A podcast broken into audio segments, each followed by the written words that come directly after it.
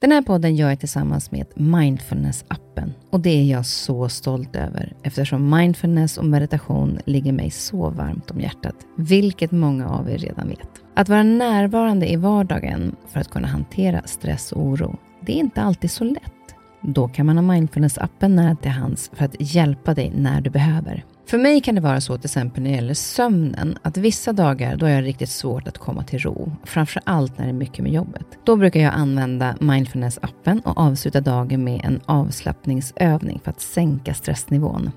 Det gör det så mycket lättare för mig att somna sen. Oavsett om du kämpar med sömnlöshet, stress eller bara behöver en stund för dig själv så har Mindfulness-appen verktygen för att hjälpa dig att slappna av och sova bättre. Appen är utformad för att passa in i din livsstil med korta övningar som passar även de hektiska schemana. Som lyssnare till Nyfiken på så får ni 40% rabatt på prenumerationen av Mindfulness-appen. Länk till erbjudandet ja, det hittar ni i poddens Instagram, kaspersen nyfikenpa. Eller så går ni in på themindfulnessapp.com kristin. Välkommen till min podd Nyfiken på. Här får jag chansen att möta människor som jag är nyfiken på utifrån deras historia, kunskap eller erfarenheter. Människor som jag inspireras av och förhoppningsvis kan vi med det inspirera er. Och om ni gillar avsnittet får ni jättegärna dela det så fler får chansen att lyssna. Och det ger mig också möjligheten att få spridning på podden så att jag kan fortsätta länge att bjuda in människor till roliga och intressanta samtal. Glöm inte att du också kan gå in och prenumerera eller följa podden så missar du inte när avsnittet släpps. Veckans gäst är äventyraren Anneli Pompe. Hon har tävlat i fridykning, hon slog världsrekord på 126 meter, hon älskar bergsklättring, hon har bestigit Seven Summits, de högsta topparna i de sju världsdelarna. Att hantera sin andning, sina tankar och att nå sina mål och att utmana sig själv, ja, det är något som hon föreläser mycket om idag. Hon har också skrivit flertalet böcker som jag tycker är helt underbara. Det finns en som heter Otroligt högt, extremt lågt och en som heter Tankar under ytan, bara för att nämna några. Jag är nyfiken på så mycket när det gäller Anneli. Vad är det som har dragit henne till de två ytterligheterna som djupa hav och höga berg? Hur hanterar hon tankarna? Är hon rädd någon gång? Dessutom är jag så nyfiken på hennes fascination av helikoptrar. Hon ska bli helikopterpilot. Ja, hennes utmaningar och äventyr, de tar nya höjder.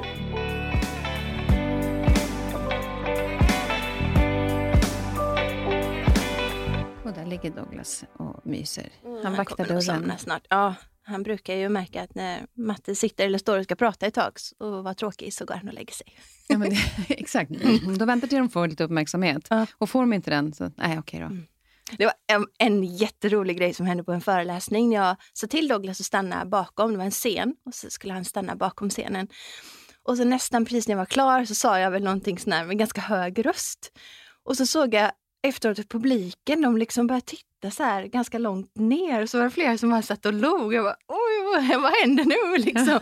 och så bakom mig så hade Douglas lyckats öppna dörren och så där lilla lurviga huvudet tittade fram mellan gardinerna. Nej, han blev kanske lite orolig. Varför ja, precis. Men det var en väldigt bra avslutning. Det är där man säger att hunden är ens bästa vän. Mm.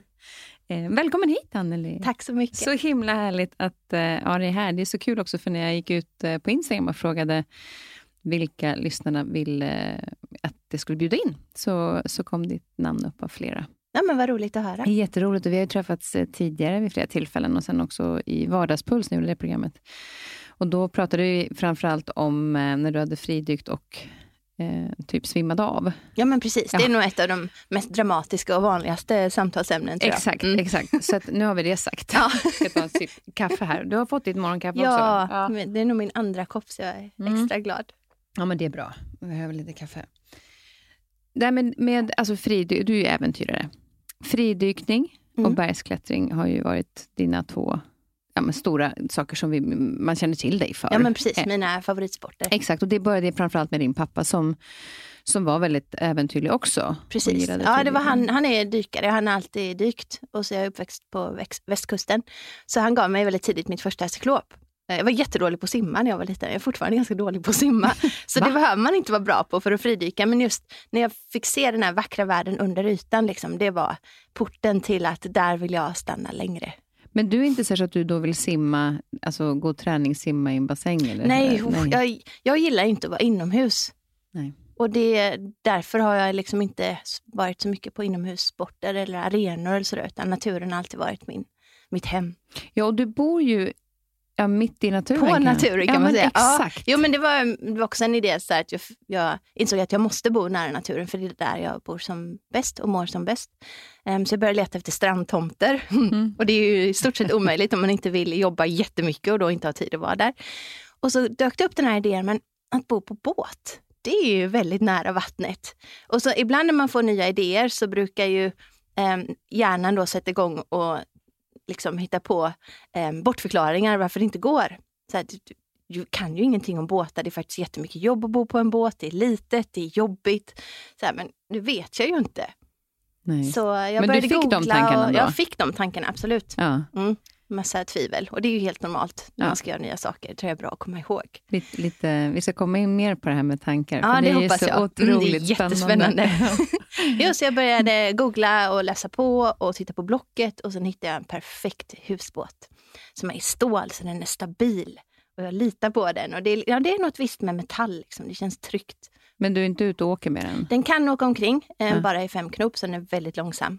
Men Så du håller dig mest jag håller mig mest Vid stilla. land, jag men ligger, på vattnet? Ja, så på vintrarna så har jag den i hamn eh, och på somrarna så ligger den ute vid en ö utanför hamnen. Så det är min favoritplats. Och det är så härligt för att jag känner naturen och vädret i båten. Så jag kan, in, innan jag slår upp ögonen så kan jag känna att ja, idag gungar det lite lagom, jag hör vinden. Så jag vet vad det är för väder innan jag går ut. Och det, är, det är så roligt när du pratar om det, för hela du bara skiner upp.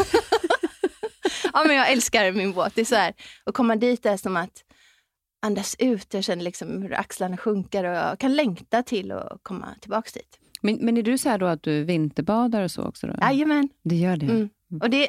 Och det är lite löjligt, för att jag har varit en sån badkruka. Ehm, jag badar i stort sett bara med våtdräkt och cyklop. Och så var det för ungefär tre år sedan så tänkte jag att mm, det känns lite taskigt mot havet så att jag inte älskar havet förbehållslöst, liksom, att jag måste vara där på vissa sätt. Så då bestämde jag mig för att jag ska börja bada eh, och jag ska göra det året runt och lära känna havet i alla årstider. Vad skulle du säga om havet eh, om man tänker sommar och vinter? Eh, ja, men det har Förutom helt att det är olika, temperatur. Men... Ja, men karaktärerna och sen känslan i kroppen och mm, ja, det, framförallt mötet med havet blir olika. Jag tycker just den här känslan i huden. Jag eh, badade första gången så här riktigt så här kallbad när jag var på Bali. Oj! Ja. Aha, eh, finns det där?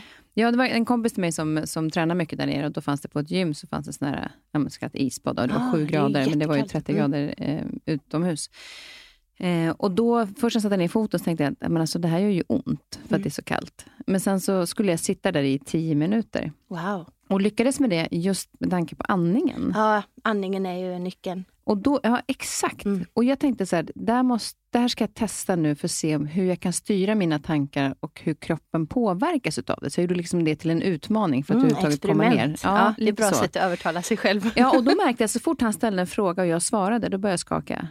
Ah, Men intressant. när jag satt och andades så skakade jag inte. Mm. Men då spände jag väl mig, kanske, när jag svarade. Precis, eller att du ändrade fokus. Ja, precis. Mm. Så det var, men det som jag tyckte var intressant var att just känslan mot huden, att om man känner jag kan bara tycka att ibland när man duschar, att man tänker inte ens på hur vattnet känns på huden. Mm. Utan vi bara duschar och står vi och tänker på någonting annat. Ja, det är fint att känna det. Ja, är, du, är du bra på att vara närvarande i, i just liksom i, i alla sådana möjliga olika tillfällen? För att du, man mm, inte hela tiden. Det, det, är jättesvårt att vara närvarande hela tiden. Nej, men, men det kan du komma så här... möter naturen på det sättet? Ja, men absolut. I naturen tycker jag det är lättare att liksom, um, styra om sinnena till att lyssna, till att känna, till att uh, se. Och vad är det som gör då att naturen är så viktig för dig? Jag tror, det är, jag tror att naturen smittar av sig. Att naturen, det finns något inneboende lugn och stabilitet och närvaro i naturen som jag tror att det är lättare att känna igen sig själv i. Att liksom vi har den här naturen inom oss på något vis. Så jag tror att djupt inne i vårt DNA så minns vi hur det var när vi levde i kontakt med naturen. Mm. Och det, det, är så spännande att också lära känna sin kropp i förhållande till naturen, som med, med kallbadet till exempel, hur man reagerar. Jag vet inte, har du hört vad det är som verkligen händer på djupnivå när man kallbadar. Nej. Um, vad som händer mellan de två um, delarna av um, nervsystemet. Nej, sympatiska och parasympatiska. Och för att när vi utsätts för något obehagligt så är det oftast det sympatiska som reagerar först och tänker det här vill jag inte göra. Jag vill springa härifrån. Fight or flight. Och det är ju förknippat med stresspåslag och ytlig andning och liksom vi förbereder oss för att fly från det här kalla badet. Men om man då lyckas andas djupare, så det parasympatiska nervsystemet har fler nervändar djupt ner i lungorna. Mm. Så när du andas djupt så aktiverar du det parasympatiska delen av nervsystemet som är förknippat med lugn och vila och återhämtning. Så andningen det är, det ju som liksom... händer? Vad coolt. Ja, det är din, ditt sätt att kunna kontrollera, alltså gå från panik till att gå till lugn genom eh, djup andning.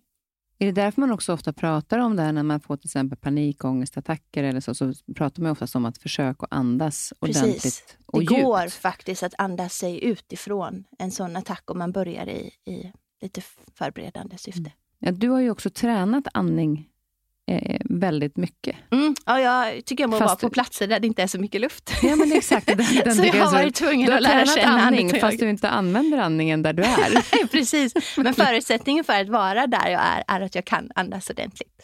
Och Så att till det att du andas exempel- ordentligt innan då. Innan jag, och under tiden. Så fridykning till exempel, att ja, men du kan hålla andan i fyra minuter. Din kropp klarar det. Ehm, Det enda du Mm. behöver göra är att andas riktigt djupt och långsamt innan och ha en plan för dina tankar så att du inte tänker sånt som inte hjälper din kropp. Okej. Eh, jag tänkte, det här för, för då, då, om vi tar då ett exempel om du ska ner på djupt Mm. vatten. Du har ju varit nere på 126 meter Precis. som var världsrekordet. Mm. Eh, men vad är det du gör då när du, tänker, när du planerar andningen? Om du säger att jag ska planera mina tankar Precis. och min andning. För att när vi utsätter oss för utmaningar så är det oftast den negativa delen av hjärnan som vill säga att det här är faktiskt inte särskilt smart, det är farligt, ska du verkligen göra det här? Om du tvivlar på dig själv så, så är det som att förbereda sig själv för att misslyckas. Så jag hade en plan för mina tankar under nästan varenda del av de här tre och en halv minuterna som världsrekordet tog. Och då brukar jag använda mig av ett mantra eh, Mhm. som jag upprepar. Och det var på engelska eftersom det var finare, let go. Så det handlar om att släppa taget om spänningar i kroppen, släppa taget om tankar, släppa viljan att andas. Också släppa viljan att nå botten och att komma upp igen. För om du bara släpper allt det där, det är en form att vara fullständigt närvarande. Och det är det som krävs när du fridyker. För om du missar en sekund, om du missar att slappna av, om du missar att trycket jämna så kommer du inte klara dyket.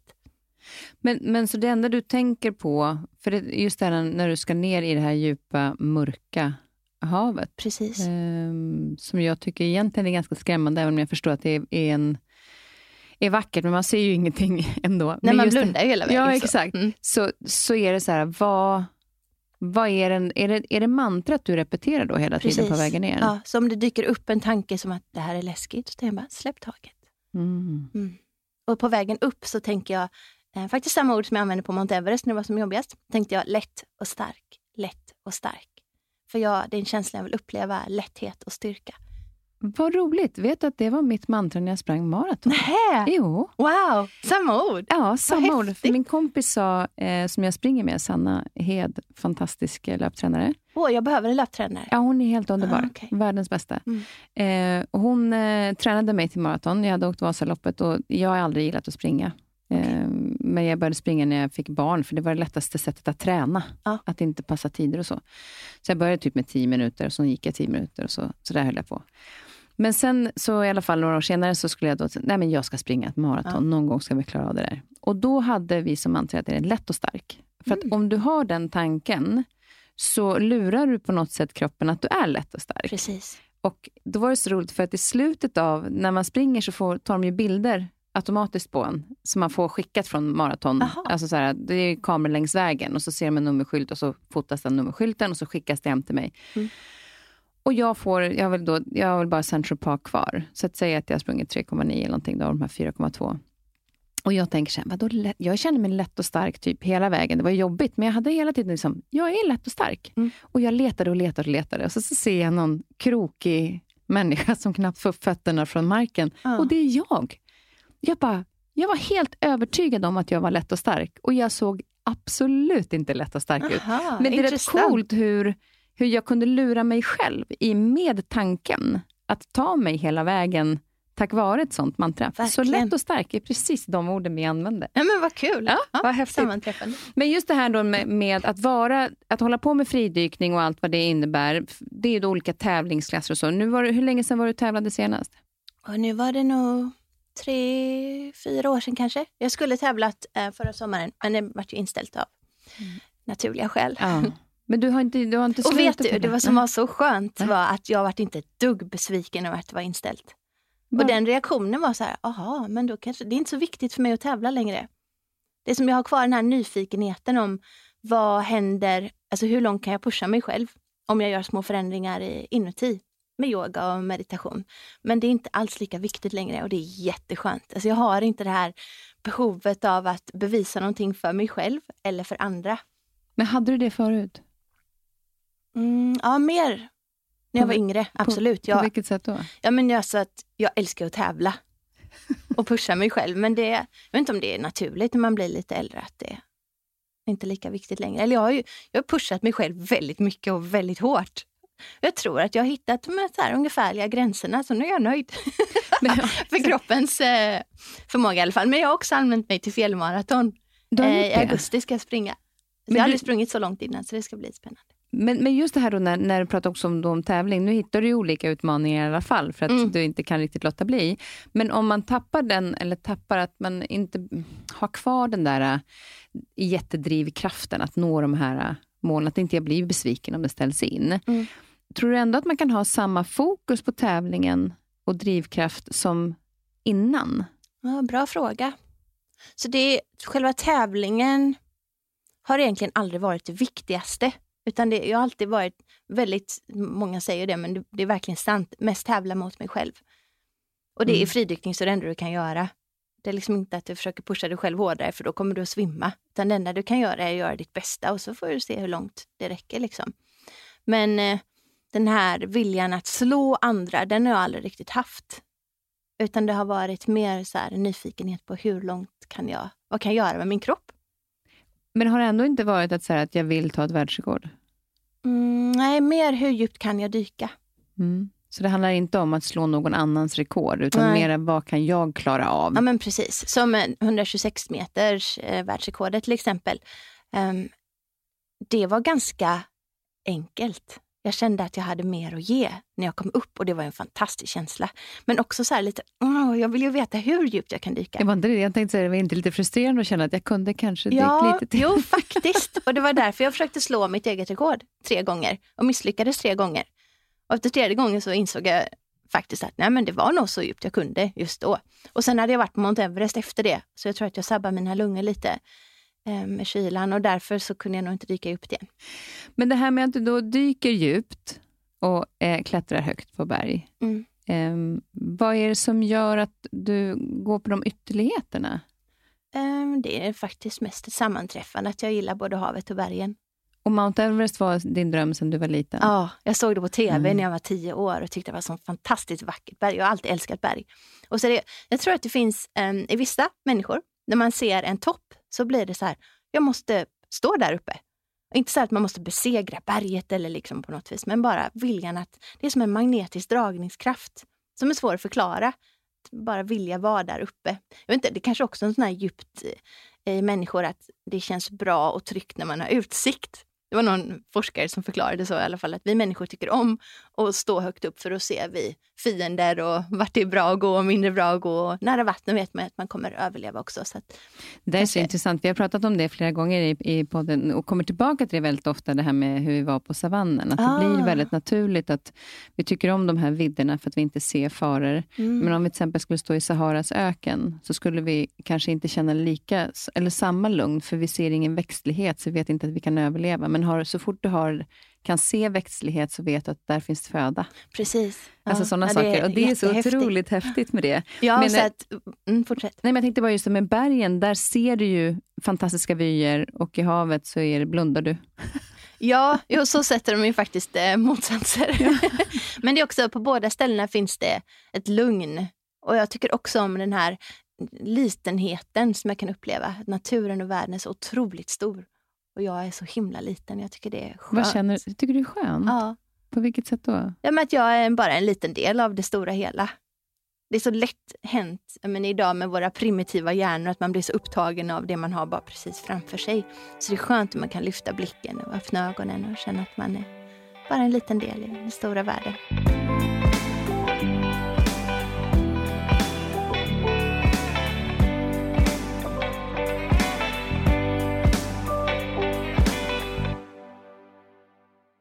Men hur är det då att utsätta kroppen för båda de här två sporterna och också under samma period? För det var inte så att du har fått fokusera på fridykning under en period och sen klättringen en period? Ja, men bitvis var det faktiskt så. Att för det kanske... måste man väl nästan för kroppens del, väl? eller? Ja, men precis. Och sen att det tar lång tid att träna upp sig för att klara eh, båda de prestationerna. Det tar i alla fall ett halvårs till ett års förberedelser eh, med träning. Så att om du ska upp på Mount Everest så fridyker du ingenting under det året? Nej, det gör jag nog inte. Men jag ska fortsätta andningsträning. Jag tror inte jag hade faktiskt kunnat bestiga Mount Everest om jag inte hade fridykt innan. För jag lärde mig så mycket om andningen. För där, ju högre upp du klättrar, ju mindre syretryck är det. Så du måste kunna andas väldigt bra för att kunna ta upp det där lilla syret som finns. Just det. Och där, där någonstans tänker jag att mycket av den träningen som du gör, skulle jag känna att det hade vi nog behövt allihopa. Absolut. Alltså i vår vardag. Och du föreläser ju väldigt mycket och eh, pratar också om, om det du har lärt dig genom det här, hur man kan applicera det i vår vardag. Jag tänkte att vi skulle komma tillbaka till det. Men jag vet att du pratade om, om en, en form av träning inför, jag tror det var fridykningen, när du satt på någon cykel. Ja, jag cyklade och höll andan samtidigt för att vänja benen vid mjölksyra. Och faktiskt är det också en träning att vänja kroppen att tåla högre koldioxidnivåer om vi nu ska gå in på detaljer ja, i andning. Så idag andas de flesta av oss fem andetag snabbare per eh, timme eller minut än vad vi gjorde för 50 år sedan. Så vi har en snabbare andningsfrekvens på grund av att vi har högre stressnivå, att vi äter mera socker och då andas man snabbare och oftast ytligare upp i bröstet också. Och då sätter man igång dels den här sympatiska delen av nervsystemet och så andas vi ut för mycket koldioxid. Och mm. koldioxid är fantastiskt när vi har det i våra kroppar därför att det får den glatta muskulaturen att slappna av och blodkärlen vidga sig mer. Så om vi lär oss att andas djupare och lite färre andetag per minut så kommer vi per automatik bli mycket lugnare och må mycket bättre. Den där kombinationen, och den är ju någonting att, att försöka hitta i vardagen. Därför tror du många hittar meditationen? Ja, jag hoppas det. Och oftast så har man ju meditation som ett slags ankare, eh, andningsankare i meditation, att man fokuserar på sitt andetag också. Mm. Och då finns det några så nyckelpunkter som är väldigt bra att slappna av i för att kunna andas djupare. Och det är när ansiktet, att man liksom slappnar av i pannan och framförallt i käkarna och tungan. Och sen går man vidare så man slappnar av i axlarna, i bröstet och viktigast av allt slappna av djupt in i magen. Så man verkligen låter magen slappna av och åka ut lite grann. För när magen rör sig och vi andas, då använder vi de här nedre delarna av lungorna där det finns mer alveoler. Och det är där som vi tar upp mesta delen av syret. Så när man får den här djupa, mjuka eh, andningen så blir man per automatik lugnare. Och så de här tajta byxorna vi går med, är de mm, inte de bästa? Det är inte så jättebra. nej, nej, men så här härliga yoga-tights med hög midja, det är grejer. ja, men exakt. Och det, jag eh, hade med Björn Nattiko, som jag också vet att du tycker väldigt mycket om. Ja. Eh, han var här och han sa det att bästa som finns är att knäppa upp byxorna när man kan andas. jag håller med. men, men hur skulle vi kunna tillämpa då, till exempel, om, om, för vi lever ju en ganska stressig värld mm. faktiskt, mm. med det höga tempot som är. Det är ingenting som vår hjärna är utrustad för och inte har hunnit akklimatisera sig efter heller. Eh, men att, att hur mycket behövs det och hur lång tid skulle du säga, bara att så stanna upp och få ner andningen på en dag? Nu är inte jag någon forskare eller expert på ämnet, men jag upplever det som att vi har så mycket krav på oss idag och det ökar stressen. Så när jag säger att nu måste du också meditera, flera gånger om dagen så blir det så här, åh nej, en sak till jag måste göra. Liksom.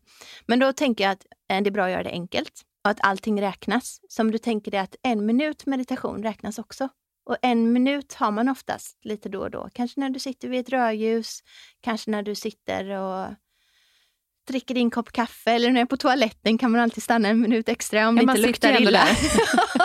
Då kan man väl lika gärna vara där en stund till. Så bara den där eller kanske bara tre andetag om du inte har en minut. Mm. Så gör det så enkelt för dig som möjligt så att du kan göra det flera gånger om dagen. För det är väl också det vi gör ofta, att vi lägger för höga krav på oss själva. Att, Jag det är så många, Mm. att vi pressar oss själva på det sättet. Så att det Mm. blir stress istället för Att det motsatta. Att det ska bli en, ja. Ja. exakt. Så men ta tre andetag då och då, checka in med dig själv, slappna av i axlar, mage och ansikte. Så till slut kommer det bli en vana. Det är det, att bryta de mönster som vi har. Som vi får nästan en sån klocka som påminner dem om det. Ja, eller en app eller, Eller så som... kan man använda något som finns i vardagen, typ sms-signalen. Varje gång något, du har ett sms eller ett pling så ta ett djupt andetag. Så det är som en mindfulness bell fast... eh, Och den är ju rätt smart, för att eh, annars kan ju det vara en stressgrej. Precis, så du Att- kan ju välja vad du vill tolka den som. Att det är en Mm. påminnelse att du ska slappna av och sen ta upp telefonen och titta. Exakt. Välja tankar där. Mm. Det är spännande. Mm. Vi ska komma in mer på det också, tänkte jag sen.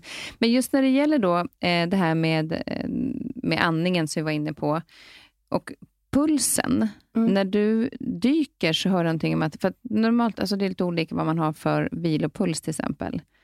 Eh, jag vet inte, vad är din vilopuls? Den ligger just nu någonstans runt 50-55. Mm. Eh, det ligger inte med. Men, men, eh, men någonstans där och så kan det vara upp till 70 tror jag för kvinnor. Det är lite Ja, olika. Det finns ju tabeller man kan titta på.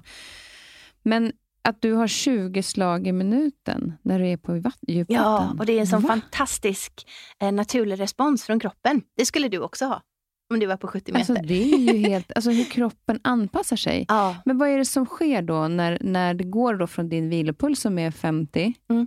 Och då skulle jag egentligen kanske bli nervös för att jag ska ner i vattnet, men det kan ja, man precis. inte bli Det är då. då du andas väldigt djupt och långsamt för då kommer din andning också bli lång, eh, din puls kommer bli långsammare när du andas långsamt och djupt. Men dra, hur, får du ner pulsen innan du går ner i vattnet eller anpassar sig kroppen Jag behöver em, en låg puls att starta med. Mm. Så det, den är lägre redan i start. Och an, pulsen går ju ner på utandning och upp på inandning. Så vi jobbar med väldigt långa utandningar i fridykning. Så jag kanske andas in på fem sekunder, ut på tio sekunder. Och Under den Mm. långa 10 sekundersperioden så går ju pulsen ner.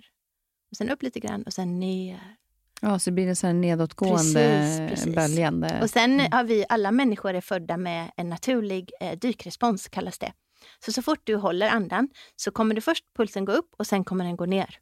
Därför att kroppen Mm. förstår att du håller andan så du behöver spara på allt syre. Så då sänker kroppen automatiskt pulsen. Så när du har hållit andan ett tag och framförallt om du är i vattnet så känner kroppen trycket och då så går pulsen ner ännu mer. Så ju djupare du dyker, ju lägre puls får du. så du helt får, naturligt. Så det blir naturligt avtrycket i, Precis. i vattnet. Mm. Då kanske, tänker, men kan man ha det i flygplan då, tänker jag? För det är väl också tryck? Nej, där är det tvärtom. Det är tvärtom, att va? flyga är på ungefär, ungefär på 2000 meters höjd. Det brukar kabinerna vara trycksatta till. Ja, men precis. Men jag tänkte på också när man går upp på Mount Everest till exempel. Ja. Hur påverkas Där går pulsen upp istället, det? är tyvärr. Så, va? Men det finns en fantastisk effekt som man... Jag har en god vän som är forskare som heter Rika Chagatai som forskar på extremfysiologi. Mm. Och faktiskt så reagerar kroppen med, eh, på ett sätt likadant på höjd som på djup. Och det är att vi alla har ju en eh, mjälte och den har ett förråd med röda blodkroppar. Och när vi har syrebrist så släpper mjälten ut sitt förråd av röda blodkroppar. Och röda blodkroppar håller ju tag i syre. Så när det är som jobbigast är ett dyk så kommer mjälten släppa ut de här blodkropparna. Så du har mer syre som transporteras runt med hjälp av dem. Och samma på hög höjd. Och då mätte hon Erika även på Sherpas och de har jättestora mjältar som har ett ännu större förråd av röda blodkroppar. För att de är så vana på att vara på hög höjd. Precis. Och en annan en bra grej med just att hålla andan är att man får mer syre och mera kapillärer i hjärnan. Så hjärnan blir bättre syresatt när du har syrebrist. Det där är ju helt Ja, fantastiskt. är, alltså kroppen är Alltså, så Det är häftig. så häftigt. Och att man fortfarande lär känna så många delar Ja. av den. Jag tycker det är, så, det är intressant. Här. här får din kropp, varsågod, försök att lära känna den. Att vi lär oss inte så mycket om hur våra kroppar funkar. Alltså hade jag fått lära mig när jag var 15 att du har två olika delar av ditt nervsystem och den här kan du styra lite. Det hade ju varit fantastiskt. Ja, och just, just det kan jag tycka är det häftiga, vad mycket vi kan påverka själva. Verkligen, Eh, om vi bara lärde oss lite mer och var lite mer nyfikna på hur kroppen fungerar. precis. Men, men bara tillbaka så vi får, får det här med din tävling och, eh, och fridykningen. För det Mm. blev ju ingenting då i somras. Eh, men, men när tror du, med, med tanke på pandemin, men du vill testa igen? Nej, nu har jag bestämt mig för att jag inte vill Nu är du testa klar. igen. Ja, och det var ganska just det tecknet inut, inifrån, att jag inte blev besviken att det inte varit någon tävling. Det var så här, ja men då är det inte så viktigt längre. Det finns andra saker som är viktigare. Och att hålla kurser i fridykning är fortfarande och det är roligt. Och se andra människor pressa sig själva och klara saker de aldrig trodde de skulle klara. Och så där. Det, är, det är liksom mer belöning än ett rekord på sätt och vis. Men vad skulle du säga då när du ser de här, de som du håller kurser för? Vad, vad skulle du säga är största utmaningen i den här sporten då, som fridykning? Det är alltid det mentala. För kroppen vet hur den ska göra. Den klarar så mycket mer än vad du tror. Så det största insikten som de flesta får är att kroppen lyssnar på det du tänker. Och det är det som är så kul att se också i en annan människas ögon när de har hållit andan fyra, fem minuter. Och så ser man, och ibland så säger de, om jag klarar det här trodde jag aldrig jag skulle göra. Vad mer klarar jag då? Mm. Alltså den nyfikenheten är underbar, tycker jag. Att det hela tiden blir, eh, någonstans är det så att man har lärt sig någonting som man inte trodde. Mm. Och så vill man lära sig någonting nytt igen. Ja. Och Jag tänkte just på det här med, med tankarna som vi varit inne på. Att negativa tankar, eh, berättar Anna Tibelius Bodin, jag kommer tillbaka till henne ganska ofta. Ja, henne har jag lyssnat på, ja, på din podd. Är, ja, hon är fantastisk. Men just det här att nervsystemet påverkas ju fem gånger mer av negativa tankar mm. än positiva tankar. Och Det är så uppenbart att vi, hjärnan är gjord för att fokusera på att undvika det som är farligt och läskigt. Precis, och när det... man vet det, så har man en jättekraft. Precis, och, men det är ju så himla lätt att vi många gånger accelererar i den här negativa tanken mm. och fortsätter dra på de här negativa tankarna. Det kunde ha hänt och vad hade jag gjort då? Och sen så liksom bara fortsätter det. Precis. Istället för att, att vända det. Och Jag tyckte att det var så skönt när hon berättade det, för då kunde jag också förstå varför det ibland är svårt att hantera negativa tankar. Mm. Varför Absolut. de är så jäkla envisa. Mm. Men det är ju såklart, de påverkar kroppen fem gånger så mycket. Så att vi får jobba med de andra tankarna lite hårdare. Exakt, och det är också som en vana. Som eh, en av munkar, jag har ju spenderat mycket tid på eh, kloster, buddhistiska kloster. Och en av de här munkarna han berättar att, att vi blir nästan som, det är beroendeframkallande och tänka de här negativa tankarna därför att hjärnan gillar dramatiska och farliga saker. Det är därför många av oss läser Aftonbladet, för det är liksom, vi ska akta oss för det här, det är det vi måste fokusera på.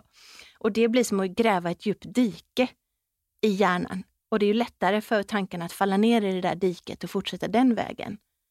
Mm. Därför att det är också våra gammaldagsa hjärnor. Och vad säger munkarna då att vi ska göra istället? Ehm, de menar att börja observera det du tänker, att vara en observatör av tankarna istället för att identifiera dig med dina tankar. Och det är det, jag har pluggat mycket idrottspsykologi och det är precis samma sak som de säger, att det första steget i att bli mentalt starkare är att bli medveten om vad du tänker. Mm. Och sen så, Lars-Erik Unestål, en av mina lärare mm. och idoler, han har en väldigt bra teknik som han kallar för tankestopp. Men så som en så här, trafikskylt, stoppskylt. När du märker att dina tankar börjar gå in i det här negativa, så stopp! Och så släpp det och så rikta tankarna till något annat, till exempel din andning som du kan påverka. Så man gör någonting som kanske också är lite aktivt. Precis. För att inte bara säga, tänk en mm. annan tanke. Ja, men det är ju inte så skitlätt att bara tänka en annan tanke när den andra drar så mycket. Exakt. Men att kanske göra då någonting aktivt Precis, som hjälper en fysiskt, ja. i det. Och det är ju det är en träningsfråga. Ju oftare du gör det, ju starkare blir det. Ja. Men jag, och nu, jag har ju tränat på det sedan jag var 15 år, när jag upptäckte Lars-Erik Unestål och kassettbanden i mental träning. Men fortfarande märker jag att det blir påslag, att jag kan se framför mig allt otäckt som kommer hända när jag gör något som jag är rädd för. Jag har till exempel just tagit körkort för bil. Mm. Jag tycker det är jätteläskigt att köra bil. Jag kan märka, jag körde till Stockholm första gången, det är jättelångt från Göteborg. och satt och så körde jag jättefort, 110. Bara, Oj vad fort det går. Och så började jag tänka så här, vad händer? Tänk om bilen skulle få sladd nu liksom. Och så ser jag framför mig bara skulle volta jag och Douglas och så är det sista vi gör. Men det är ju jätteonödig tanke. Och så tillbaks till andningen. Och samma, så jag håller på att utbilda mig till helikopterpilot. Ja, men alltså det är ju så spännande. Oh, och det är så roligt. Och så, när jag skulle flyga solo för första gången själv och, och instruktören gick ut, så hur, vad ska jag göra? Det kommer säkert gå någonting fel. Jag bara, men hjärnan, lugna ner dig nu, du kan det här. Och då hade dessutom min fantastiska instruktör sagt innan att jag skulle inte släppa iväg dig om jag inte trodde att du skulle klara det. Och det var så här, åh. Så ibland när vi ska göra farliga saker så är det så oerhört viktigt att vi har någon som, vi, som vi litar på, som tror på oss. För det kan förändra allting. Ja, och just den känslan att andra, för det gör också lättare att vi kanske tror på oss själva. Precis. Eh, övertygelsen Precis. i det. Men är mm. du aldrig Jag tycker det är väldigt fint att du tycker att det är lite läskigt att köra bil med tanke på alla de här äventyren du gör som en, en annan bara wow, ja, det här är läskigt. Äventyr är ju väldigt um, personligt. Det är relativt vad som är ett mm. äventyr. Min kära mormor när hon var 90 sa att det var ett äventyr att ta på sig skorna. Och det tycker jag var underbart. vad härligt. Ja. Men, men det, för mig är det så att, att det är så otroligt modigt Alltså det, att det krävs mycket mod att köra bil, ja. Nej, ja, nej. ja exakt, exakt. det gör det också i början. Absolut. Alltså alla mm. saker som är nytt, är såklart krävs det ju mod. Ja, mod och rädsla är intressant på det sättet, för du kan ju inte vara modig om du inte först är rädd. Så enda sättet att bli modigare är att möta sin rädsla. Mm. Men, men då kan vi börja där, mm. med rädslan. Ja. Eh, hur hanterar du rädsla? Jag tror inte att man ska krossa sina rädslor. Jag tror att man ska möta dem säga, som eh, Buddha, eh, han hade många föreläsningar eh, och ofta när han föreläste så var det människor i hans publik som var motståndare. Och så finns det en berättelse om att hans eh, lärjunge och kusin Ananda gick fram till Buddha och så sa han, ah, nu är Mara här igen på dina föreläsningar, vad, vad ska vi göra åt det? Och då hade Buddha sagt till Ananda, ah, vi bjuder in honom på te. Och det är precis så jag man kan möta sin rädsla också. Det var ju det Buddha sa egentligen. Att bjud in din rädsla, hej rädsla, jag känner dig, kom så sitter vi ner och pratar lite grann. Ja, för rädslan kommer egentligen utav, om man också tittar tillbaka, att eh, hade vi inte känt rädsla hade vi inte överlevt. Precis. Eh, för så att, rädsla är en naturlig del av oss. Det är, det är inte farligt att vara rädd. Det är jättebra med rädsla därför att den varnar oss. Och faktiskt så gör den att du kan bli mer fokuserad. Så det är, det är lätt att tänka att ah, rädsla är bara dåligt, men det är egentligen bara dåligt om det hindrar dig från att göra det som du verkligen vill göra eller det som du vet är rätt. Ja, för många gånger så är det ju, eh, som vi också då med Anna Tibelius då bodde in, men vi pratade om det här med emotioner, alltså att vad man känner mm. skapar ju tankar. Och ibland så tänker vi så mycket så att det skapar en annan känsla än det som egentligen är ursprunget. Ah. Eh, att våga sitta ner och förstå tanken. Vad kommer den här ifrån för känsla? Inte vad tanken skapar för känsla. Just det, smart. Och det var eh, som jag, en person som jag också har förstått att du har läst mycket av, precis som jag, Brené Brown. Ah, mm, alltså, hon, är hon är fantastisk. Jag älskar hennes ah. böcker. Men, för hon hjälpte mig vid ett tillfälle förra, förra året när jag eh, blev eh, arg och rädd. Och, så där. och Då så, eh, sa hon att stanna upp en stund är du arg eller är du ledsen? Eller vad är känslan? Och just där kände jag mig mest arg. Men när jag satte mig ner och kände efter, så var kommer den här ilskan ifrån? Nej, det var ju bara att jag kände mig lite ensam. Alltså, mm. Jag var ju bara lite... Och så visste jag att men jag är ju inte ensam. Och då kunde jag ju hantera känslan. Fantastiskt. Mm. Att gå tillbaka till, ibland när tanken blir så stark, att vi går tillbaka till var är det den kommer ifrån. För många gånger så är det ju faktiskt känslan som föder tanken först. Precis. Så rädslan, det är någonting som händer, en känsla, mm. som skapar massa tankar. Men att inte då fortsätta skapa Precis. det i huvudet. Ja, också faktiskt, många av oss kanske inte är så bra på att tolka våra känslor. Så nu känns det så här, men vad betyder vad är det egentligen? Och egentligen, och ibland så kanske man bara går vidare direkt. Som en av mina bästa vänner är Cecilia Duberg, som är hälso och ledarskapspsykolog. Och hon berättade för mig att jag har ingen aning om det här, vad fjärilar i magen är egentligen för känsla. Vet du det? Nej, berätta. Så när man känner så här att det pirrar i magen, um, det är en känsla som vi kan tolka som oro eller som upprymdhet. Och de två känslorna ligger väldigt nära varandra. Och vad det egentligen är rent fysiologiskt när vi får fjärilar i magen, det är blod som lämnar organen för att gå ut till um, extremiteterna, så vi har mer syre och blod där det behövs. Jaha. Och för att vi ska vara redo. För när vi, det, vår insida, våra känslor, vet ju inte riktigt vad som händer på utsidan. Så när jag ser en helikopter och inser att jag ska flyga den helt själv, så får jag fjärilar i magen. Och då kan jag välja att tolka det inte som oro, utan som upprymdhet. Precis, och då kan man ju precis välja den tanken, precis. att det inte då skapar rädslan mm. istället för...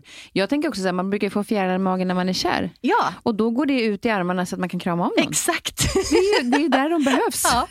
och sen, sen, finns det ju, om de här fjärilarna går för långt, så kan man ju också få, eh, vissa när de blir rädda, får en freeze. Istället så man känner sig tung och inte kan röra sig.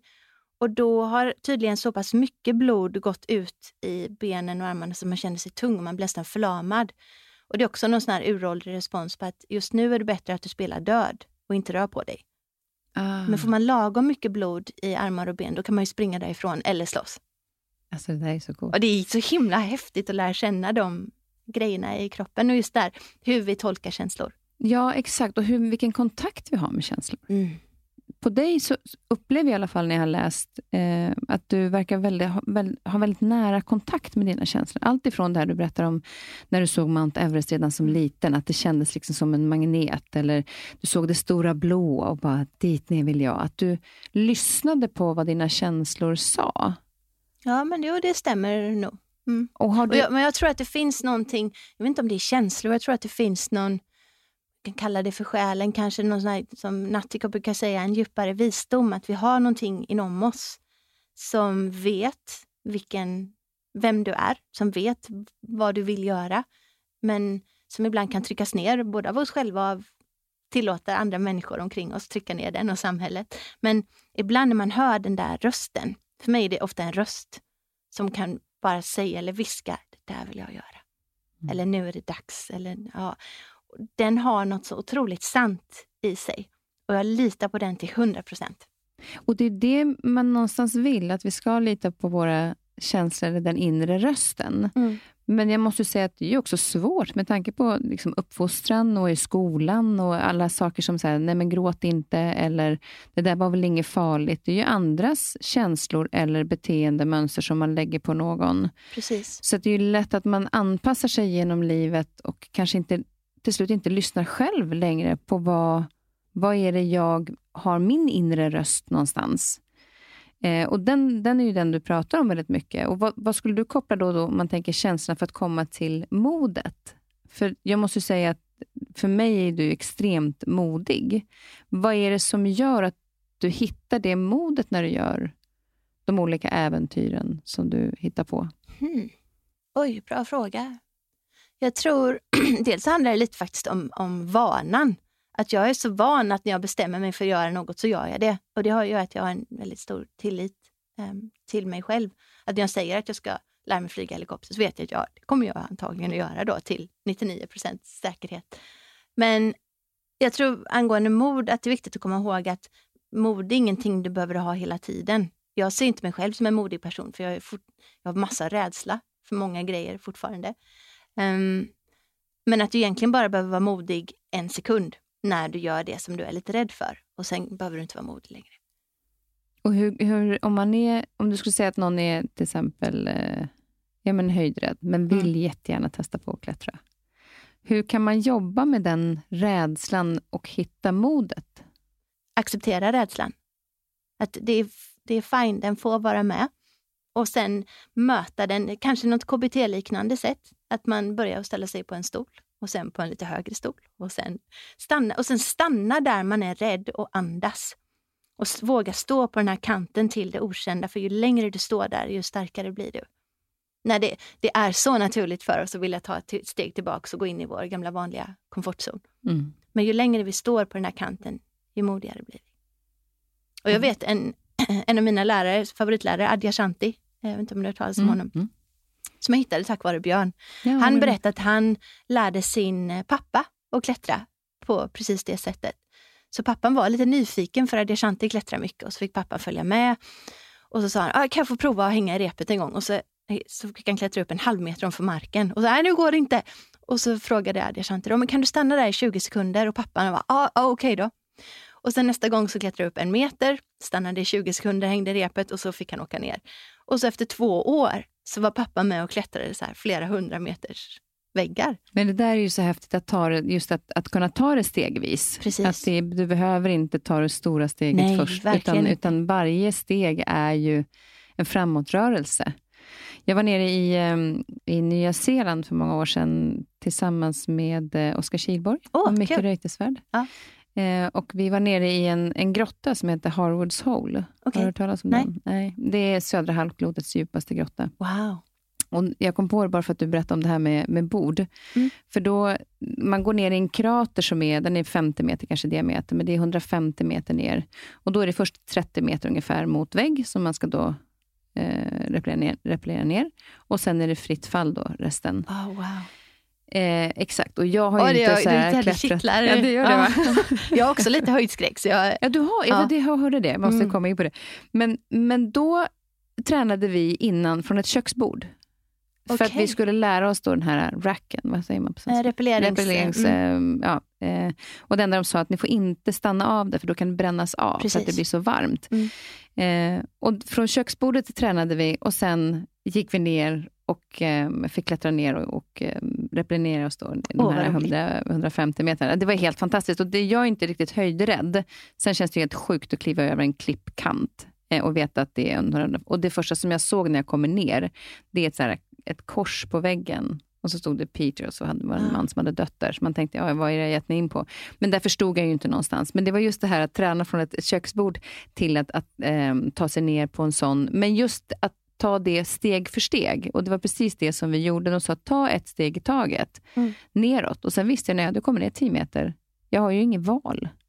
Nej, precis. Då, Nej, det, det så är som fallskärmshopp. Det första steget är viktigast. Ja, för sen kan du inte göra så mycket mer. Har du hoppat mycket fallskärm? eller? Nej, det har jag kvar på min du lista. har kvar det? faktiskt. Ja. jag ser Men att du är höjdrädd, då, hur hanterar du det? Eh, andas. Och sen så till, jag, jag kan hamna i det där freeze ibland. Ehm, och det är liksom bara titta ner, mycket luft nedanför, svårt att klättra uppåt. Och då har jag en röst i huvudet som bara säger Anneli, gör någonting. Så bara ta dig ett steg och sen ett steg. För att rörelse gör ofta att rädsla släpper lite grann. Och det är, apropå ett steg i taget, också ett väldigt bra sätt att kallbada. Mm. Att hålla fokus på att gå ett steg i taget nerför stegen. Så att du inte tillåter dig själv att hamna i de här tankarna. Varför gör du det här? Det är jättekallt och jättejobbigt. Utan bara ett steg, ett steg, ett steg. Nej, men precis. Och där är ju någonstans också det här att, att, som jag vet att du har skrivit en bok om, det här med inre lugn. Mm. Att, hur, vad, hur känner du att din resa var till det här inre lugnet, eller har du alltid haft det? Jag har inte alltid haft det. Hade, alltså hade jag varit ung idag så hade jag säkert fått någon bokstavskombination. Jag också, för Mm. att jag har alltid haft så otroligt mycket överskottsenergi. Eh, och näst, jag minns när jag var ung så tänkte jag att nu måste jag göra någonting, någonting farligt, liksom, någonting som gör att ja, det känns lite mer. Men sen eh, tack vare klättringen och fridykningen så hittade jag yoga eh, och andning och hela det här eh, andliga med att ha varit många tysta retreat. Jag tror det första tysta retreatet upptäckte jag att det finns en plats inuti där det alltid är lugnt och stilla. Och det var fantastiskt att veta att det fanns, att jag inte behövde liksom alltid ge mig ut och få utlopp för all energi. Utan när jag kunde hålla den energin stilla så vart jag lugn. Mm. Så att hitta det här inre lugnet gjorde att, ja, att jag tror, så är man lugn så kan man ju kontrollera allting annat mycket bättre. Det kan vara lugnet i stormen. Men, men just när det gäller det inre lugnet, som, vi är ju många som kanske vill ta oss ut i skogen för att känna ett lugn, eh, än att vara i den här lilla bubblan. Finns det liksom, för jag vet att du i din bok till exempel ger lite tips på hur man kan ta sig dit. Eh, för att jag tänker också nu, för nu har det varit pandemi, det har, varit, det har blivit ett lite lugnare tempo under en period, Precis. ofrivilligt. Ja. Det har skapat stress hos många. Vissa känner att det har varit som en utandning Mm. och kunna liksom fundera, vad är det jag vill? Eh, jag kan tycka att det har varit ganska skönt på ett sätt, för att när jag insett att, jag tycker absolut inte att det är skönt att, vara, att pandemin har varit här, så förstå mig rätt, utan jag har full respekt för det som sker, men i det här lugnet som jag aldrig har upplevt förut runt omkring, att det inte bara är jag som är lugn, utan det har varit ett lugnare tempo runt omkring. Precis, det var nästan påtvingat. Precis, Mm. och jag har pratat med många som har tyckt att det också har varit skönt. Jag med. Vad skönt. Hur, hur ska vi göra för att komma, komma ihåg de sakerna som har gjort oss, lärt oss någonting? Om vi säger så. Då. Men det, vi har ju lärt oss någonting under den här perioden. Mm. Och det är ju en sak kanske. Hur, hur ska vi göra? För det är så lätt att det sen bara drar på igen. Ja, alltså, nu har vi ändå behålla- haft den här pandemin ganska länge.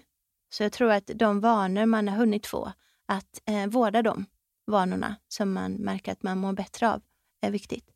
Och en, vad jag har sett att friluftslivet har ökat något enormt och det är jättekul. Och jag hoppas att människor som är i naturen märker att de mår bra av att vara där och att de fortsätter vara Mm. där. För det är ju någon, någonstans, eh, tror jag, det, om man tittar på ett hållbart levande. Mm.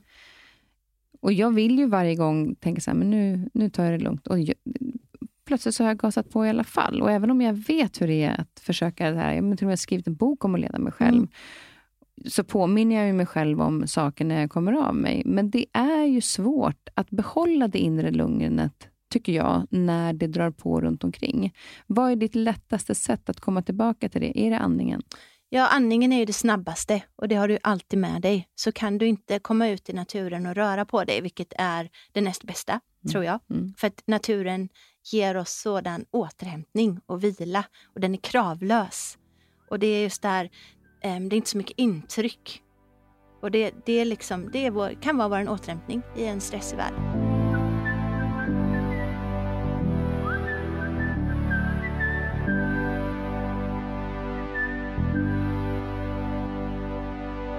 Men du lever ju själv och ja. du har gjort sporter som är med väldigt... Douglas. Ja, med Douglas. men jag säger att du lever själv, jag säger inte att Just man är ensam. Nej. Nej, utan man lever själv. Och många av de här idrotterna, du, det är inte lagidrott, även om man har ett team med sig. Mm. Utan det handlar ju väldigt mycket om att förlita dig på dig själv. Hur ser du på... Jag, vet, jag har ibland svårt att säga ensamhet, för jag kan tycka att man kanske inte känner sig ensam, utan man är bara själv. Mm. Eh. Precis. Ja, ensam har ofta en negativ klang. Eller det tolkas det som negativt, inte ett dugg. Nej. Jag älskar att vara ensam.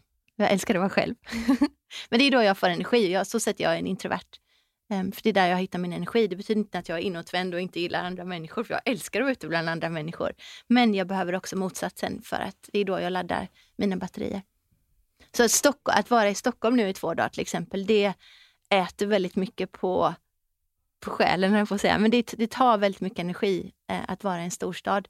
Och då i morse när jag fick gå ut och gå i eh, bakom Tekniska högskolan, vad heter den? Liljaskogen. Ja, där var mm. ju jättefint. Ja, men det finns små platser. Och då var det så här, ah, okej. Okay. Och det, det, kan verkligen kännas som en batteriladdning. Att, ah, nu har jag landat lite igen. Och det är tystare än eh, vad det är här inne mitt i stan. Och så. Men, men om man då tittar på det här med tystnad, så har du med tystnadsretreaten. Mm. Eh, vad, vad, vad, sker på ett sånt? Jag är lite nyfiken på det själv. Ja, det är jättespännande. Det, det är ett inre äventyr att vara tyst, för då hör man mycket mer. Och då kan man också höra den där lilla, svaga men otroligt smarta rösten inuti. Ja, alltså jag, jag, jag vet inte. Det, det, skulle vara en jätteutmaning. Jag är i och för sig kanske van att också vara själv. Mm. Men, och jag tycker väldigt mycket om det, även om jag älskar att vara tillsammans med andra människor också. Men just det här att vara tyst, jag tycker det är så kul att prata. ja, det roliga är att du kommer fortsätta att prata, fast på andra sätt. Och det som är så lustigt, jag har själv varit på många tysta retreat, att man lär faktiskt känna människor trots att man är tyst. Man pratar med ögonen, man pratar med kroppsspråk, man ser liksom, man, man kan ju ändå bli så här, man himlar med ögonen, man ler och vissa gråter och så att man lär känna människor trots att man är tyst och det är jättehäftigt. Vad spännande, för då ser du ju Alltså, sinnet, alltså sinnena används på olika sätt. Alltså ögonen då används kanske ännu mer, mm. mer än vad hörseln då. Precis. Alltså, ja, så att man lär sig ja, förstärka vissa sinnen absolut. i det. Kan du känna att när du har varit på sådana, att du också kan läsa av människors kroppsspråk ännu mer eftersom absolut. du har varit på, på... Vad betyder det då, känner du i det här med liksom tystnaden eh, och att kunna se, att förstärka de sinnena på ett annat sätt? Ja, men som efter mitt första tio dagars tystnadsretreat, jag kom ut och upplevde det som att jag levde mycket mer. Det var, det var en fantastisk upplevelse, för det, du ser mer, du hör mer, allting smakar mer och du känner mer. Därför att eh, jag tror att just kommunikationen, pratet, är ju otroligt viktigt för oss. Nu har vi ju inre kommunikation i våra tankar också, men att kommunicera som vi gör nu, det tar ganska mycket energi. Det ger väldigt mycket energi, men det tar också energi. Och då när vi har kvar den energin, när vi inte behöver fundera på vad ska jag säga härnäst, vad det du sa, vad verkar den där vilja säga, ska jag gå och prata med den gruppen där eller inte? När vi har den energin kvar i oss um, så ger det utrymme att landa lite mer i sig själv, att tänka nya tankar. Jag tänker bara, vad gör man med all den energin? Men det är att, att du lägger energin på det som är ditt inre då? Ja, men precis. Och det är också därför det kallas retreat. Att mm. man drar sig tillbaka lite grann, just för den här kommunicerande ah. världen. Och bara för att du inte pratar så blir det ju inte tyst. Men det blir inte det va? Nej. Utan det är som att du, du lär dig höra mer på ett annat sätt och du blir medveten om dina tankar. Så egentligen är Tyst Retreat en utbildning i mental träning. Säg det bara skrattar.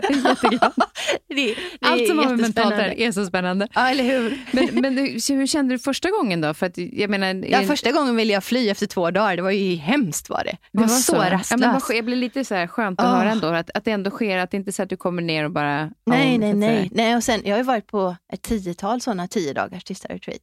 Och varje retreat har varit annorlunda för att man kommer ju dit eh, med någonting. Eh, men första gången så var, ville jag absolut gå därifrån efter två dagar för jag orkade inte möta mina tankar och jag hade ett hemskt dyk bakom mig. Um, och jag hade bestämt mig för att bestiga Mount Everest och insåg att jag har inte tid med det här egentligen. Och då hade jag bestämt mig för att jag ger upp.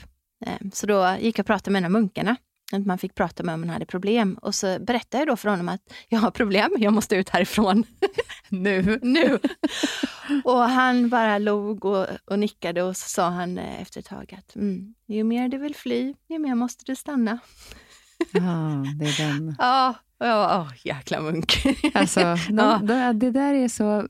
Alltså, hur upplevde du de här munkarna? För de, ah, alltså, ja, det finns de är ju mina, en klokhet som ja, är helt enorm. De är ju mina idoler. Jag är så fascinerad av dem. faktiskt var en av mina reaktioner när jag kom ut därifrån att jag, det här skulle jag, så jag skulle kunna tänka mig att leva som buddhistisk nunna. Det verkar jätteskönt. Och såklart så är det mycket drama och jag pratar mycket med Natiko och uh. lyssnar på honom också om att det är såklart inte så skönt som det verkar att sitta i djungeln och meditera mest, utan det är ändå att du är i ett sammanhang. Och Men måste vad, är, vad är det i det livet Men... som du tycker som tilltalar dig? Oh, det är så vad skönt. Och det, är ingen, det verkar inte vara någon press eller det finns inga måsten. Och det tycker jag verkar jätteskönt. Mm. Tillbaka till lugnet där Precis. igen. Och egentligen som de flesta måsten hittar vi ju på.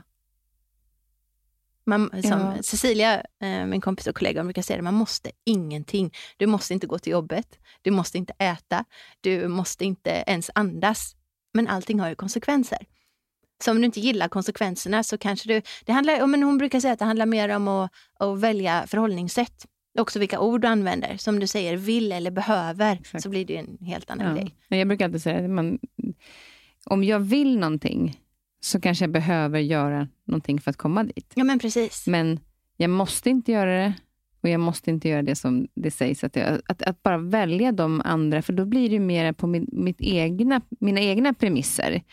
Men det är ju, vad man brukar säga, det är svårt att få hästen att dricka vatten om den inte själv vill. Ja, den måste dricka klart. vatten, ja, fast lugn, den vill inte. Nej. Låt den gå dit själv först. Mm. Att det grundar sig i sig själv. Ja, och det där kan man ju faktiskt dra en fin parallell till eh, självledarskap och, eh, jag vet inte vad det finns för bra svenskt ord, self-compassion. Mm. Eh, självmedkänsla. Ja, att man eh, tar hand om sig själv för att man vill och behöver det och att det, det inte är fult och egoistiskt. Um, till det exempel det som, tror. Ja, men som kaffe.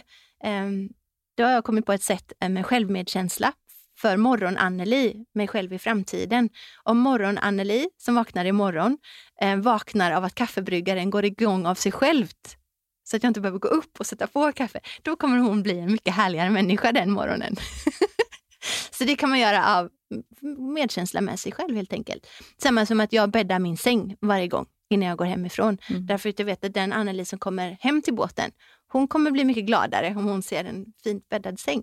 Och det visar sig faktiskt att gör man det, så eh, betyder det jättemycket för dagen på ett annat sätt också, därför att du har klarat din första uppgift. Ah, okay. Så du signalerar till dig själv att nu när jag har bäddat sängen, så har jag gjort min första uppgift. Och då går du igång lite på det. Mm. Att istället för att nej men jag struntar i det, jag skulle ju ha gjort det. Alltså, den känslan kommer faktiskt med. Ja, men precis. Ja, också hur vi startar och avslutar saker, att det faktiskt är viktigt. Ja, morgonrutiner tycker jag är jättespännande. Ja, Vad har du, du för morgonrutin? Ja, men jag är ju lite som du då och yogar på morgonen. Mm. Eh, nu, var jag faktiskt, nu gjorde jag inte det i morse, för jag gick upp så tidigt. Så att jag hade, och eftersom jag då är rätt, jag är ju extremt morgontrött. Okay. Ja. Men jag har ju valt då att se det som en, en eh, att jag är som en soluppgång. Mm. Alltså så här, den stiger Fint. långsamt upp över horisonten. Ja. ja. jag valde den tanken för jag tyckte den var finare än den här trötta, halvsura. så då, då, igår kväll när jag gick och la mig så kände jag att jag såg att det skulle bli fint väder och jag ville ut och, och promenera i morse. Mm. Så då la jag träningskläderna precis bredvid sängen. Smart. Och så tog jag en kopp kaffe och tog på mig dem och så gick jag ner och promenerade istället längs vattnet i Ja, morse, för jag ville komma ut. Och det var fantastiskt. Så jag gör ju någonting på morgonen, mera för att väcka kroppen och det gör ju att jag vaknar, att jag klarnar till i huvudet. Mm. Jag tycker väldigt många gånger förut var jag väldigt mycket så att jag sprang upp och så upp med, på med kläderna och in med ungarna i duschen och de skulle iväg i skolan. Och det var så himla mycket hela tiden så att huvudet gick igång. Men kroppen var ju, hade ju inte hunnit med.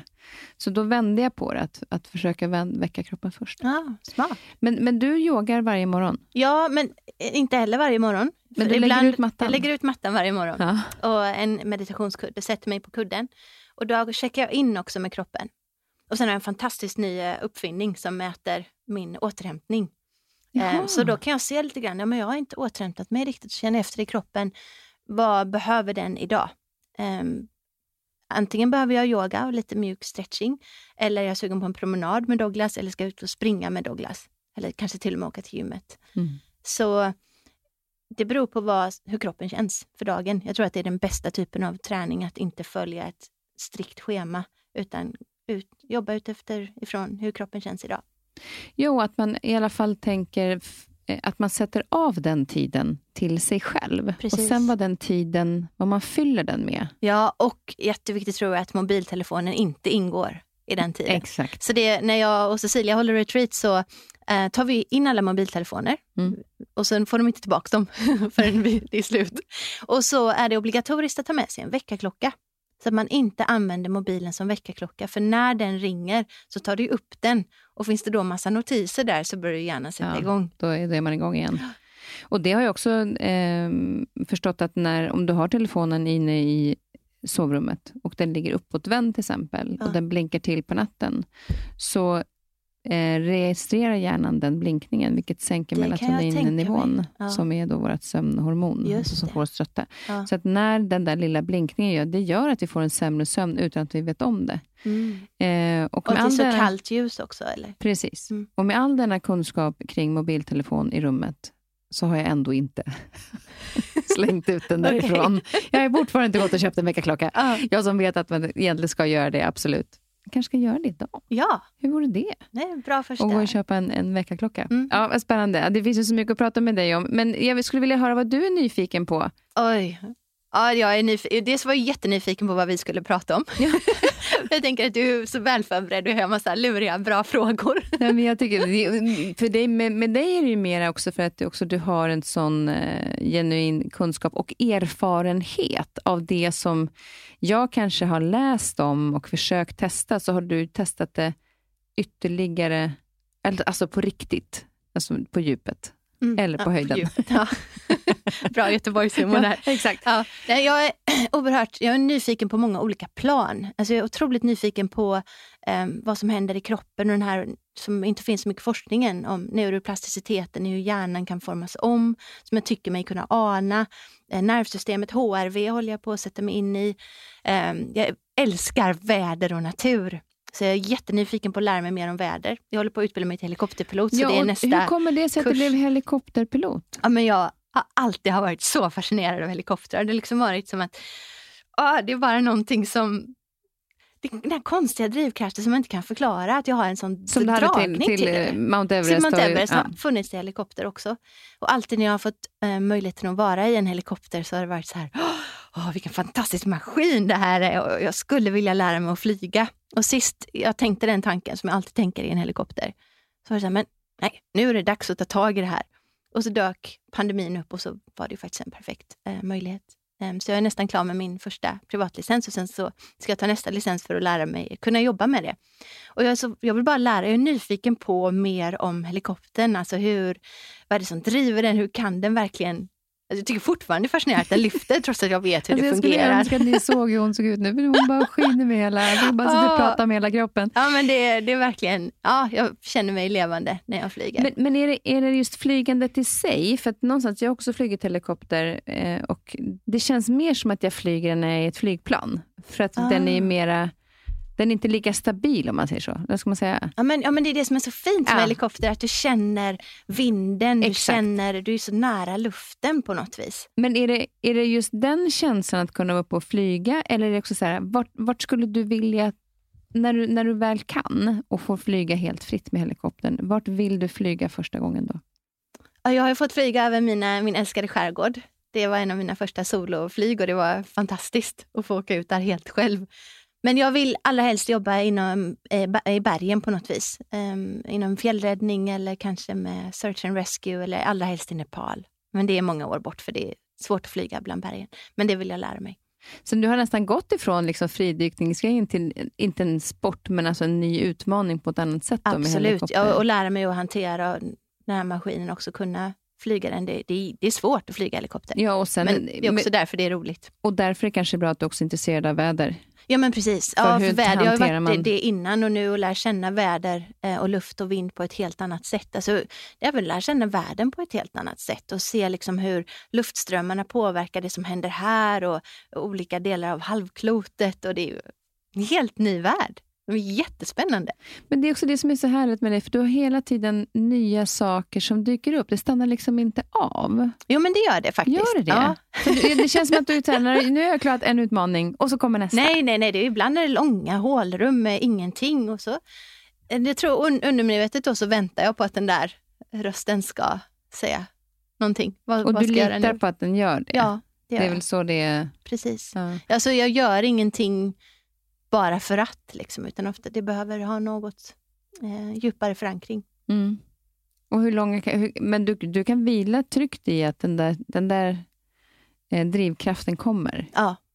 Och, jag, och, li, och lita på den är lurigt ibland, för den där primitiva hjärnan, den vill ändå på något sätt säga, men Anneli, alltså det här med helikopter, det är inte, hur kan du rättfärdiga det och det finns inte kanske så mycket jobb och hur ska det gå med Douglas? Alltså de här tvivlen, jag, jag vet att de finns där. Men jag väljer ändå att lita på den här djupa, det här det finns någon mening med det här också. Vänta så får du reda på det. Ja, det är väl det man kanske ska hitta, det här, alltså, ha den ron. För, för jag är i en period där, där jag någonstans inte har någon längre plan. Okay. Eh, alltid har jag ju liksom det har varit eh, barnen i skolan och så vet man att nu går de nio år i den skolan och då mm. förhåller man sig till det och så gör man, ja. jobbar man kring det. Och Sen så kanske man lever ihop med någon och så vill den personen göra sådana saker och då vill man göra saker tillsammans. Och så kanske man har kontrakt någonstans, man jobbar på ett företag och så blir det låst av den anledningen. Och plötsligt så står jag så här, barnen är i princip vuxna båda två. Jag har inget jobb som håller mig fast på en plats. Podden kan jag göra var som helst. Mm.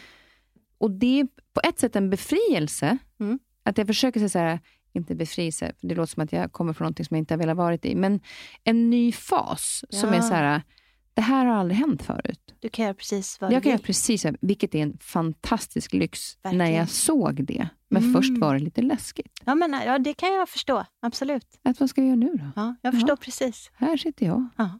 Mm -hmm. mm. Tills jag bara, nej men, jag kan ju åka vad jag vill. Jag kan mm. göra vad jag vill. Mm. Men då gäller det i det att hitta den här Vad vill jag? helikoptergrejen. Ja, precis. och det då... finns faktiskt en väldigt fin eh, eh meditation mm. um, som kommer från Adi Ashanti. Inte vad det är för svensk översättning, men inquiry kallar han det. Att man eh, landar i meditation, man är väldigt avslappnad och stilla och sen använder meditationen att ställa en fråga. Till exempel, mm. vad är viktigast just nu? Ah. Okej. Okay. Och, sen, den meditationen? Ja, den känns som att den skulle passa um, rätt bra för mig. Ja, jag tror han har säkert någon guidad meditation i det. Ja. Um, att man då lyssnar um, djupare, att du inte bara lyssnar på de här ytliga tankarna. Vad är viktigast? Ja, men barnen är viktigast och vad frisk är viktigast. Okej, okay, men vad är viktigast just nu? För det tror jag är en sån sak som jag, eh, eller jag vet också bland mina vänner, att det är en, en det är så lätt att fastna jag måste få in pengar och jag mm. bor där och det, det är så många typ måste, eller jag vill bo här, så därför behöver jag få in de här pengarna eller tjäna de pengarna. Istället för att, så här, är det det jag verkligen vill? Att ifrågasätta det några gånger till. Jag tror det är jättebra att ifrågasätta sig själv. Ja. Och läskigt. Men jag, jag, jag, kan göra så att jag kan ta den, eh, den meditationen så kan jag lägga ut den på poddens Instagram ifall ja, det är någon absolut. mer som vill se ja, den idé. eller lyssna till den. Mm.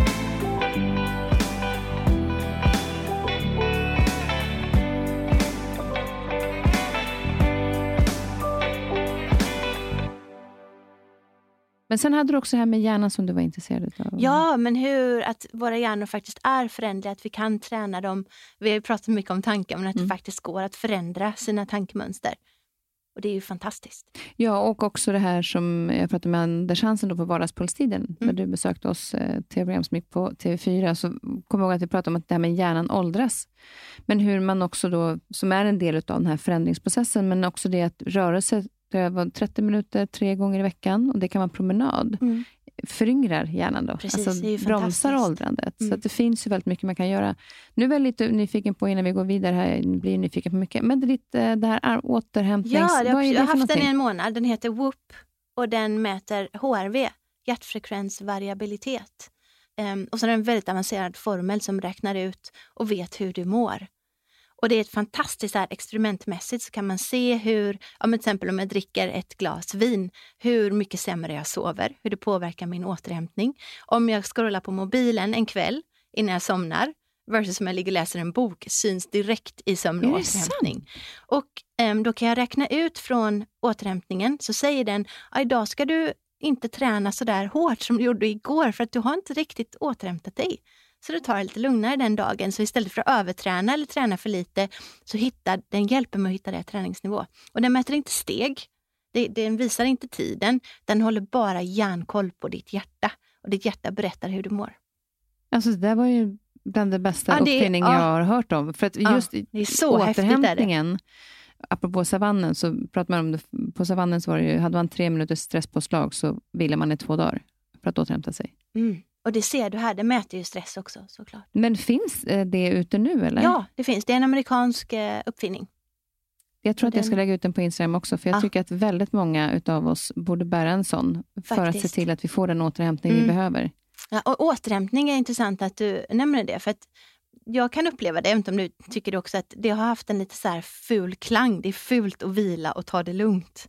Utan så här, ju mer vi tar i och anstränger oss, ju, ju häftigare och bättre är det. Liksom. Det är coolt att vara lite stressad, för det visar att du är viktig och du är omtyckt eller vad det nu kan vara. Men när det egentligen det kommer trycka oss in i väggen om vi fortsätter på det sättet. Ja, att det har blivit en sån grej. Och jag jobbade över och att, ah. att man liksom ska vara som prestations... Jag tror att det är lite grann i vårt prestationssamhälle, Precis. kan jag tänka mig. För att där var det ju på, återigen, savannen, som jag kommer mm. tillbaka till flera gånger, så sägs det att det, eh, där var ju, eh, hade man fyra timmars arbetsdag.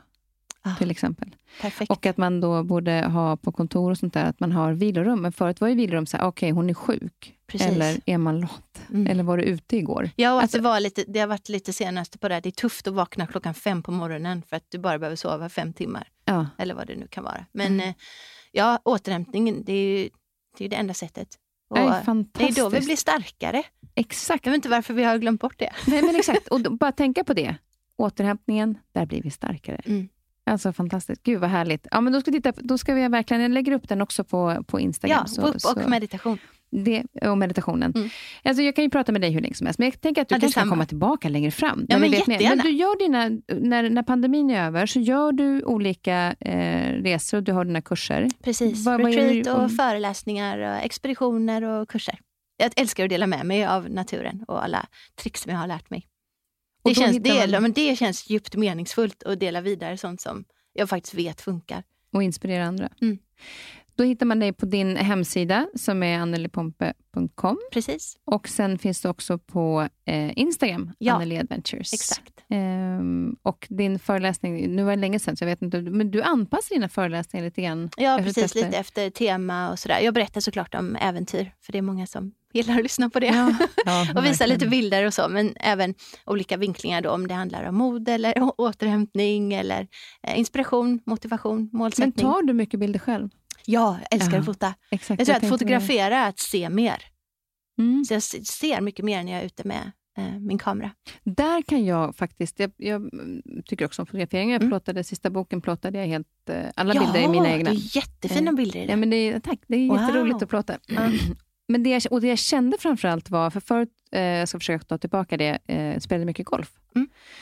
Och jag upplevde att fotografering blev lite samma sak. Att istället för att tänka på den här vita lilla bollen, och det är det enda jag tänker på, som ska någonstans, så kunde jag se genom kameran och titta på olika motiv. Och att man då upplever det som är runt omkring en på ett helt annat sätt. Eller hur? Ja. Alltså du tittar med. uppåt, du ser ljuset, du ser mm. konturer, Kon du ser mönster, och, ja, kontraster. Jag var på, på Gotland i somras och jag hade inte varit där så mycket tidigare. och blev ju helt kär. Och jag tror mycket var tack vare att jag fotade så mycket. Mm. För att jag, liksom, man ger sig ut på olika ställen på ett helt annat sätt. Men vad gör du med alla dina bilder? Ja, men ja, bra fråga. Jag, nu, jag är ganska lat. Jag fotar faktiskt mest med mobilen. Um, men jag lägger ut många på Instagram Mm. um, och sparar dem i datorer och sådär. Ja, det finns, några, det finns ett kartotek av bilder där. Det finns eh, många tusen bilder. Ja, vi får, vi får eh, vila i bilden och så gå in och njuta av eh, Annelies eh, fantastiska bilder på Ja, men tack. Instagram. Ja, jättegärna. Eh, och sen dina böcker som jag också har nämnt tidigare finns ju på olika eh, både bokhandlar och ute på nätet. Så det är bara att hitta. Mm. Stort tack för att du kom hit. Vi ska fika lite grann. Du ville ha kanelbulle sa du när du kom hit. Ja, Den har legat där och väntat på dig. Åh, tack snälla. Och kombucha har vi också. Och kombucha, Mm. precis. Det dricker du varje dag? Eller? Varje dag, ja. Jag gör min egen på somrarna i båten. Men hur gör Mm. man den då? Um, du behöver en sån kombucha, en svamp. Och sen så häller du i eh, te och socker och så fermenteras drycken. Och sen är det klart. Hur lång tid tar det? Den? Det tar det, fem, sex dagar ungefär totalt.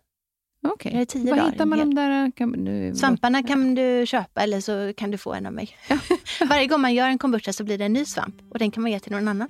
Ah, den är också liksom pass forward. Ja, verkligen.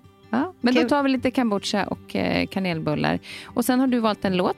Ja, just det. Det hade jag nästan glömt. Vad kul. Ja, det är en väldigt glad låt. Ja, Och nu påminner den om, för den lyssnade jag på, den var på min eh, spellista eh, precis när jag hade flugit mitt första solohelikopter. Så den påminner om att flyga. och flyga. Ja. Och så skiner det upp som en sol igen. Och Det, du strålar ju hela tiden. Det finns ingen som har så otroligt härligt. Alltså du, Ja, du är verkligen som fantastisk energi. Så jag känner mig helt lycklig här nu efter den här timmen med dig. Och det är Good Good Day med Volunteer. Tack snälla Anneli för att du kom hit. Tack för att jag fick vara med. Tack.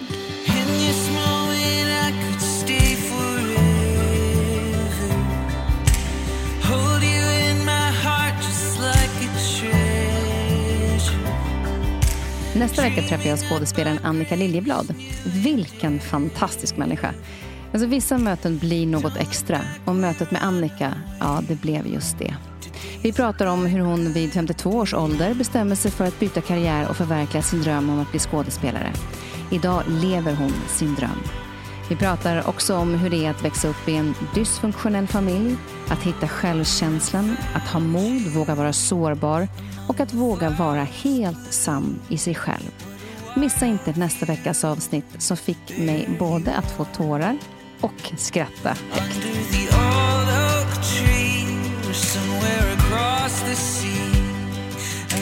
Are.